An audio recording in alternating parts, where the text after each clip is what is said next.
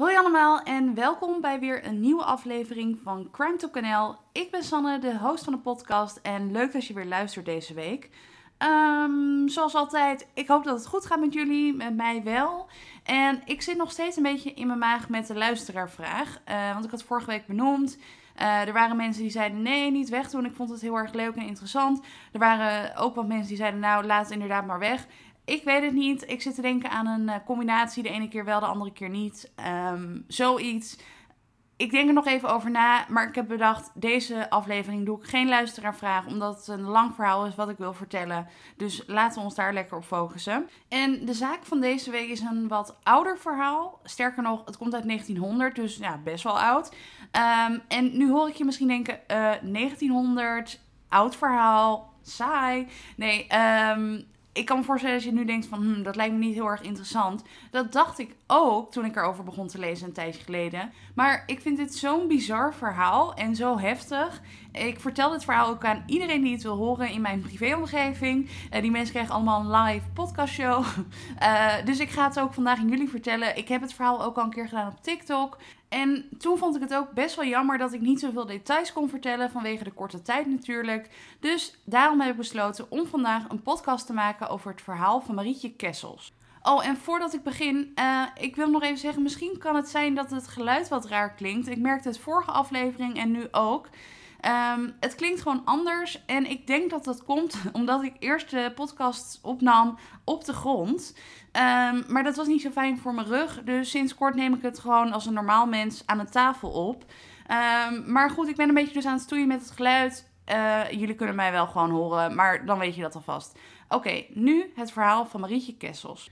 Op 2 maart 1889 wordt in Tilburg Maria Catharina Wilhelmina Kessels geboren. En misschien had je het al zelf bedacht, maar over haar gaat dit verhaal dus. En haar afkorting of haar roepnaam is Marietje. En ze is de dochter van vader Matthijs Kessels, alhoewel sommige bronnen zeggen dat het Mathieu is.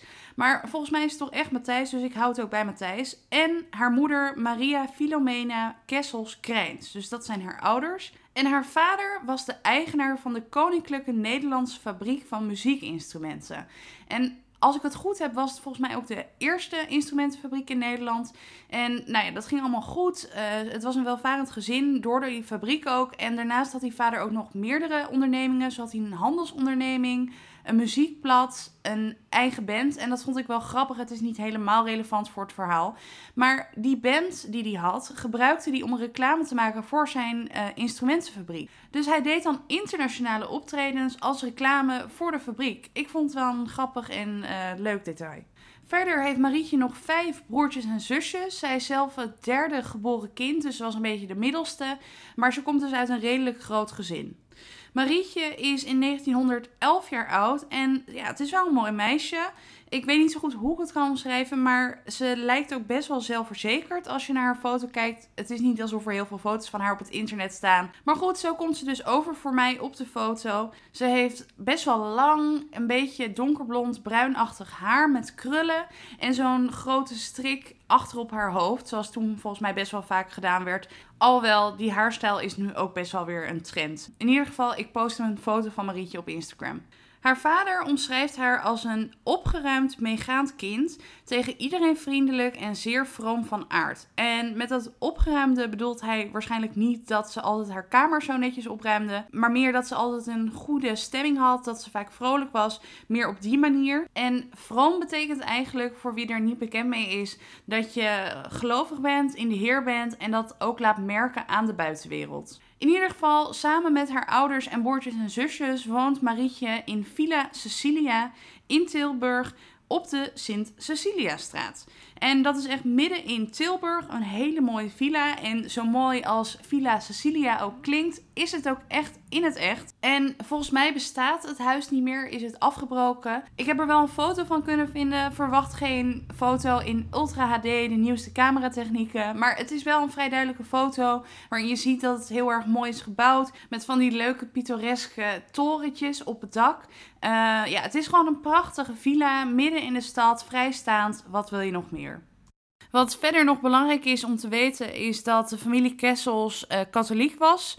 Ze waren erg vroom, om zo maar te zeggen. Uh, ze gingen regelmatig naar de kerk. Um, nou ja, God speelde een belangrijke rol in hun leven en ze waren dus katholiek. Je moet je ook voorstellen en in je achterhoofd houden, we zijn hier in 1900. De kerk had een grote invloed op de mensen, op het land. Uh, God was nog iets waarin bijna iedereen geloofde, ongeacht de stroming. de familie Kessels was dus katholiek. maar het is belangrijk om in je achterhoofd te houden tijdens dit verhaal dat de kerk een enorm grote rol speelt in de samenleving in 1900. Dat was even wat achtergrondinformatie over de familie Kessels, Marietje en uh, God. Uh, maar ja, er gaat natuurlijk iets mis in dit verhaal, want anders zou ik het niet vertellen.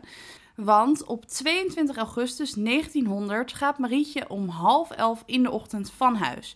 En lopend gaat ze op pad om een brief op de post te doen en om naar haar pianoleraar te gaan. En haar pianoleraar was Gerard Schellekes en hij was naast dat hij pianoleraar was ook organist in de kerk waar Marietje en haar gezin heen ging. En ze moest naar haar pianoleraar om haar les af te zeggen. Alleen blijkt achteraf dat ze nooit bij haar pianoleraar is geweest om haar les af te zeggen. Er is één iemand die Marietje nog voor het laatst heeft gezien en dat was Maria Panhuizen. En zij was de eigenaresse van Café de Zwarte Ruiter en dit café lag tegenover de Heilige Hartkerk in Tilburg. En ze zegt dat terwijl Marietje onderweg was, de blik van Marietje werd getrokken door een man die in de opening van de kerk stond. En dat is dus de laatste keer dat iemand ooit Marietje heeft gezien. Overigens, die heilige hartkerk waar Marietje dus voor het laatst is gezien, is volgens mij, ik heb het niet zwart op wit kunnen vinden, maar alles wijst erop, de kerk waar Marietje dus ook heen ging met haar gezin en dus ook waar haar pianoleraar de organist was. Marietje is dus om half elf van huis vertrokken, maar als Marietje om twaalf uur in de middag nog niet thuis is, moet de oudere zus van Marietje op pad om te kijken waar Marietje is gebleven. Want haar moeder begint ze toch al ja, wel een beetje zorgen te maken, omdat ze dus al eventjes weg was. En ik weet natuurlijk niet wat de daadwerkelijke afstand was. Um, ja, en hoe lang haar moeder had verwacht dat ze weg zou zijn met het briefposten en met naar de pianoleraar gaan. Maar in ieder geval anderhalf uur weg zijn was dus veel te lang om dat te doen. Haar zus zoekt dus bij die plekken, maar kan Marietje nergens vinden. Dus ze besluit om weer naar huis te gaan. En als haar moeder dan hoort dat Marietje nog steeds niet is gevonden, neemt ze best wel een nou, sterk besluit. Ze stuurt namelijk elf werknemers van de fabriek erop uit om op zoek te gaan naar Marietje. Maar ondanks dat iedereen ontzettend hard zijn best doet om Marietje te zoeken, vinden ze Marietje niet. Sterker nog, niet alleen Marietje niet, maar ze vinden geen spoor van waar ze is geweest. Behalve dus dat die eigenaresse van Café de Zwarte Ruiter haar voor het laatst rondom de kerk heeft gezien. De moeder van Marietje besluit dan om naar de kerk te gaan ook omdat ze de pastoor op de hoogte wil stellen van de vermissing van Marietje. En deze pastoor heet George van Zinnik Bergman. En hij was dus de pastoor van de kerk. En voor degenen die niet zoveel weten over de katholieke kerk en pastoortermen en zo. Uh, ik ben ook helemaal geen expert als het aankomt op uh, geloof. Maar um, een pastoor is eigenlijk een soort van leider van één kerk. En in dit geval is dat dus de Heilige Hartkerk, waar Marietje ook met haar gezin heen gaat. En als pastoor Zinnik Bergman hoort over de vermissing van Marietje door haar moeder, uh, besluit hij om de hele kerk te laten doorzoeken door zijn huishoudster. Nou, dus dat was echt top dat hij uh, ja, zo meewerkte en zich gelijk zo inzette voor de vermissing. Maar ook de pastoor zelf zat helemaal niet stil.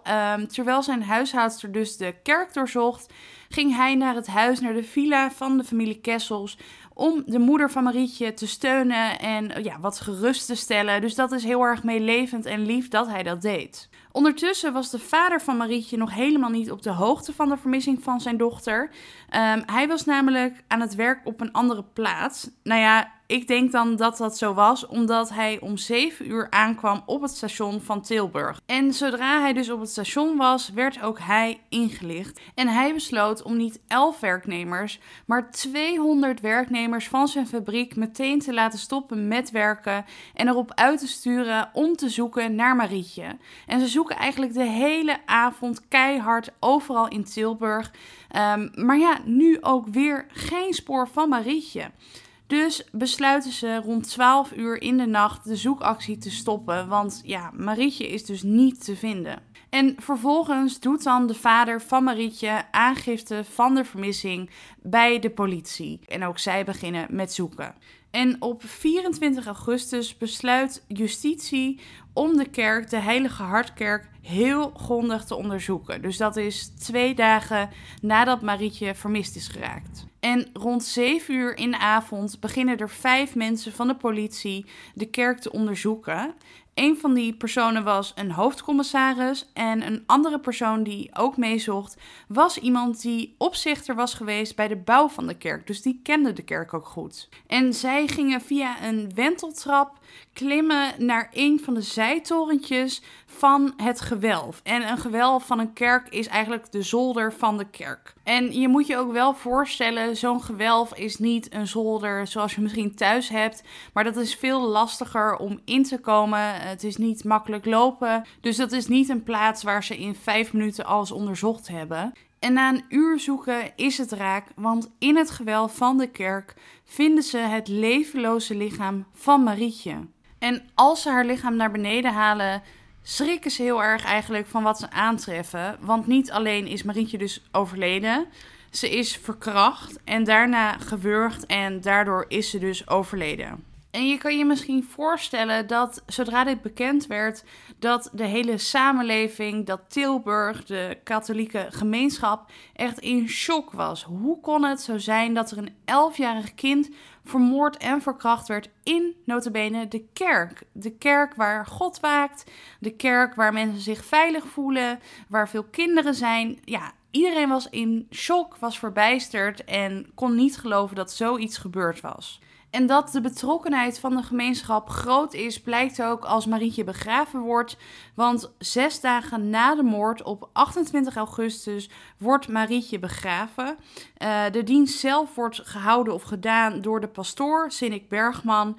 En uh, tijdens de route naar de begraafplaats staan er allemaal mensen die uh, bidden voor Marietje, die een kruis slaan. Dus ja, daaruit wordt ook wel duidelijk dat veel mensen nog steeds in shock waren dat dit is gebeurd. En daarom komt ook de vraag: wie heeft het gedaan? Wie heeft Marietje verkracht? Wie heeft haar gewurgd? Wie heeft haar vermoord? Dus daarom start de politie een onderzoek naar wie het gedaan heeft. En al vrij snel komen er eigenlijk twee verdachten in beeld: uh, de koster en de schilder. En de schilder wil ik even mee beginnen. En hij is schilder en heet Mutsaars. Althans van zijn achternaam. Zijn voornaam lees ik in elke bron weer een andere naam. Dus ik hou het gewoon even bij Mutsaars. En uh, de schilder was op de dag van de moord werkzaam als schilder in de kerk. En eigenlijk werd hij al vrij snel opgepakt omdat hij kleding en het kerkboekje van Marietje in zijn bezit had. Die spullen had hij dus in zijn bezit. Dus dan zou je denken: bingo, we hebben hem, we hoeven niet meer verder te zoeken. Maar het is toch wat minder zwart-wit dan het eigenlijk lijkt. De schilder zegt namelijk dat hij de spullen in zijn bezit heeft omdat hij een pakketje had gekregen van de koster. En hij had het pakketje niet alleen gekregen, hij moest het pakketje ook laten verdwijnen. En in dat pakketje zaten dus haar kleren en haar kerkboekje. Hij heeft het pakketje dus niet laten verdwijnen, want anders had de politie het waarschijnlijk ook niet gevonden. Uh, maar hij verklaart dus dat hij het van de koster heeft gekregen en dat hij het pakketje heeft gehouden. Dat is natuurlijk een ja, gek verhaal, maar goed, het kan, het kan zo zijn. Maar daarnaast zijn er meer rare dingen. Hij spreekt zichzelf veel tegen in verklaringen. En hij wil de hele tijd zijn verklaringen veranderen of aanpassen. Dus dat maakt hem ook verdacht. En voor de politie is hij eigenlijk de nummer 1 verdachte. Maar dan hebben we natuurlijk ook nog de koster waar ik over vertelde. En de koster was Johan van Isterdaal. En nu ga ik weer iets uitleggen waarvan ik niet heel veel verstand heb. Maar eigenlijk is een koster een soort van hulpje van de pastoor. Het wordt ook wel omschreven als de conciërge van de kerk. En er waren getuigen die hebben gezegd dat ze hem, de koster dus, met Marietje hadden gezien. Daarnaast verklaart een postbode dat hij rond een uur of elf gehuil had gehoord in de kerk. En dat hij daarna de koster zag lopen en dat de koster hem, de postbode dus, heel intimiderend had aangekeken.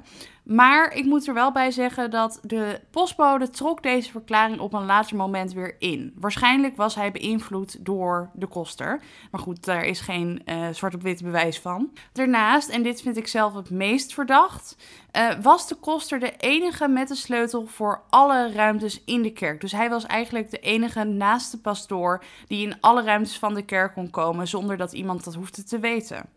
Maar er is nog meer. Er zijn namelijk getuigen geweest die beweren dat hij rond een uur of twaalf de kerk op slot had gedaan. En dat is helemaal niet gebruikelijk. Daarnaast had hij om 12 uur niet het Angelus afgespeeld. En ik weet niet of ik het nou heel goed uitspreek, maar het Angelus is eigenlijk een katholiek gebed dat drie keer per dag gedaan werd. Eén keer om 6 uur in de ochtend Eén keer dus om 12 uur s middags en één keer in de avond om 6 uur.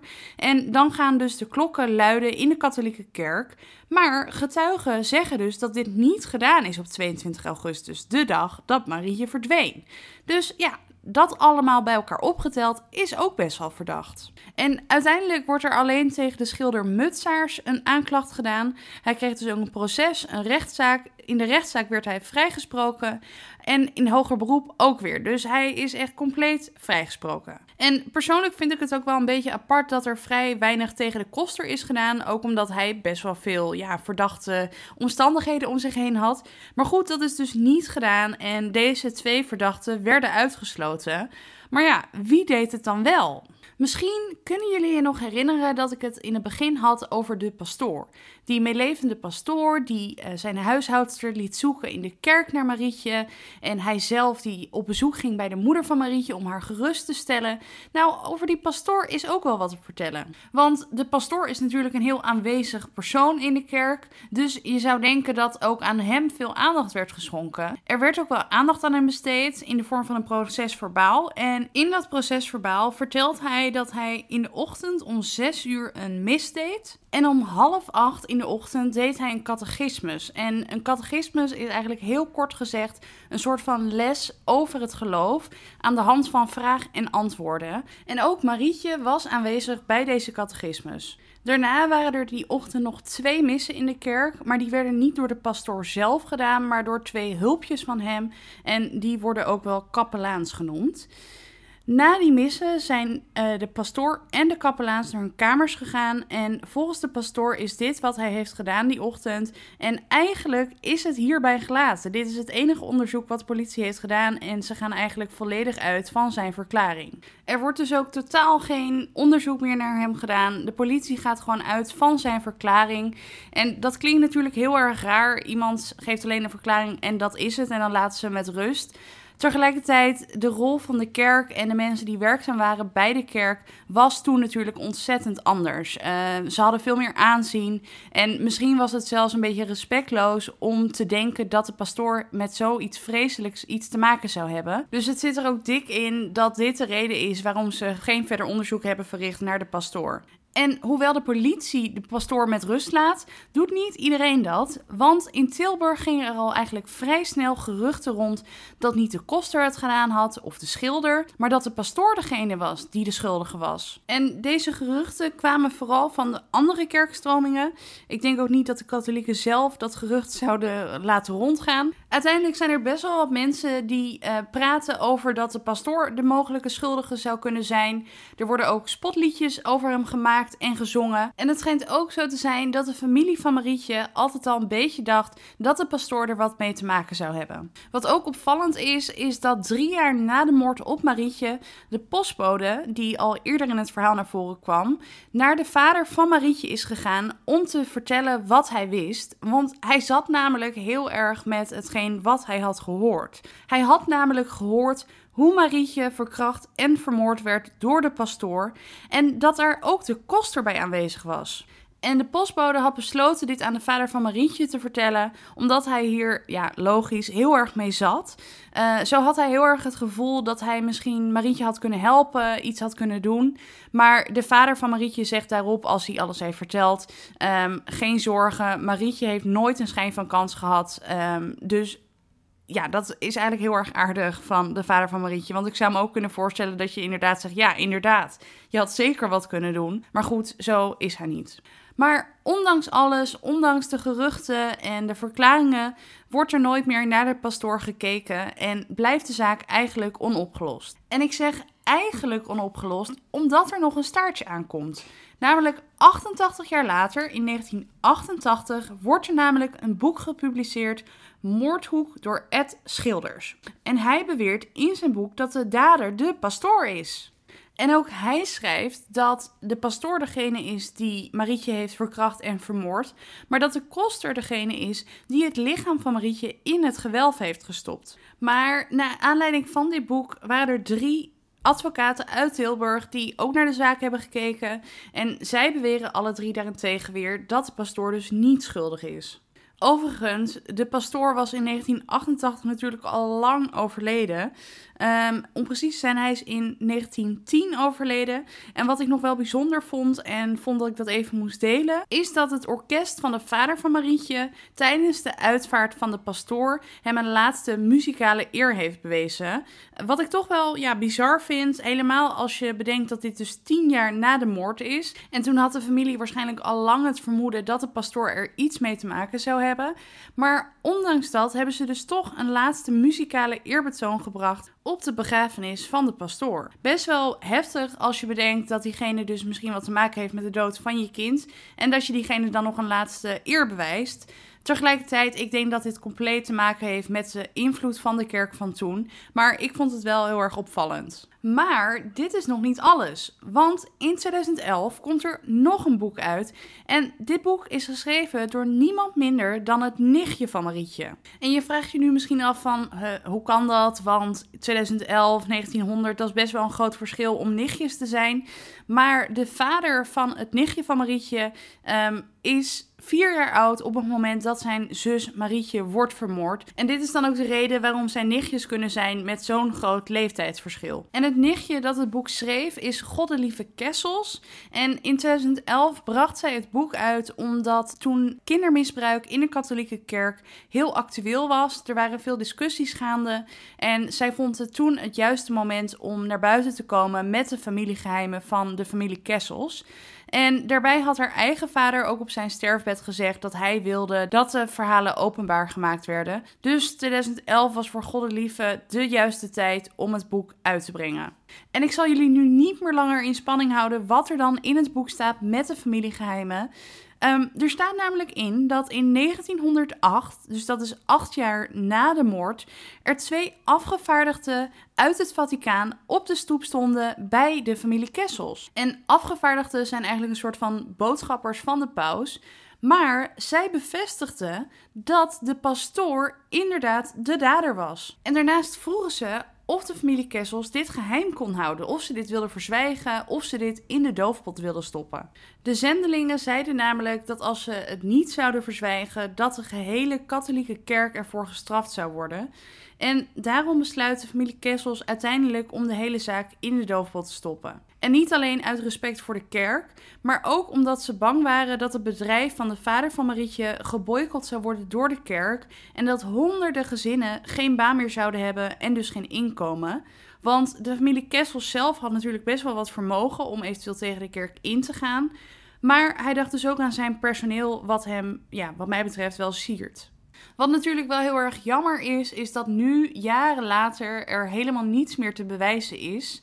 Um, maar hoogleraar cultuurgeschiedenis Peter Nissen vindt het verhaal wel heel erg aannemelijk. Hij zegt dat het goed zou kunnen dat er inderdaad afgevaardigden langs zijn gekomen om te vragen om alles in de doofpot te stoppen.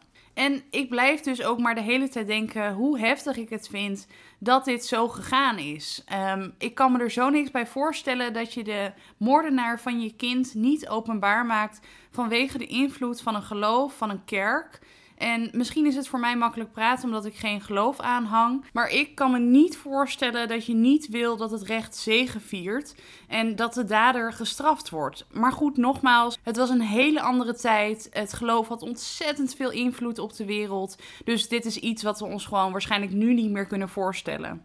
En uiteindelijk heeft God Lieve natuurlijk wel het verhaal kunnen vertellen. En in Tilburg leeft het verhaal van Marietje eigenlijk ook altijd nog. Uh, dat blijkt ook wel uit het feit dat ze een eigen monument heeft in het centrum van Tilburg. Met onder andere een hinkelspel erbij. En als opschrift bij het monument staat: Voor Marietje, ooit zal deze samenleving veilig zijn voor kinderen. Maar wat ik nog toffer vind, is het Marietje Kessels project. En dit is een project voor kinderen uit groep 7 en 8 en draait om zelfverdediging. Het werd in 1990 begonnen en in het begin ging het voornamelijk erover hoe je jezelf kon losmaken als je bijvoorbeeld aangevallen werd, dus echt zelfverdediging.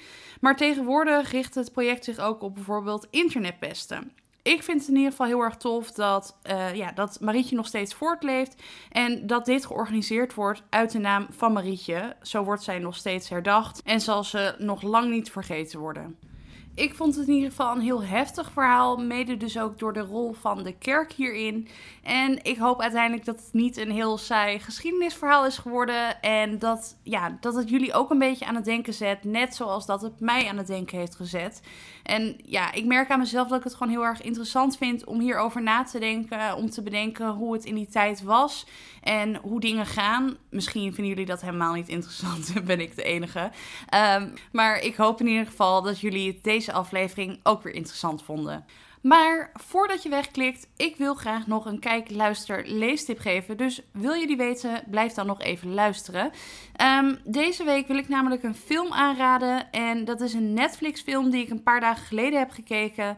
En het is Believe Me en gaat over de ontvoering van Lisa McVeigh. En deze film gaat dus over haar ontvoering. Uh, waar gebeurt, komt eigenlijk al uit 2018, maar is nu trending op Netflix in Nederland.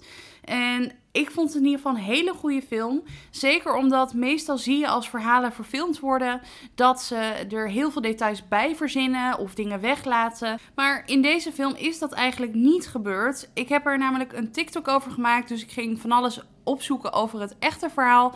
En ja, er zijn een paar dingen waarover getwijfeld wordt of het echt is gebeurd.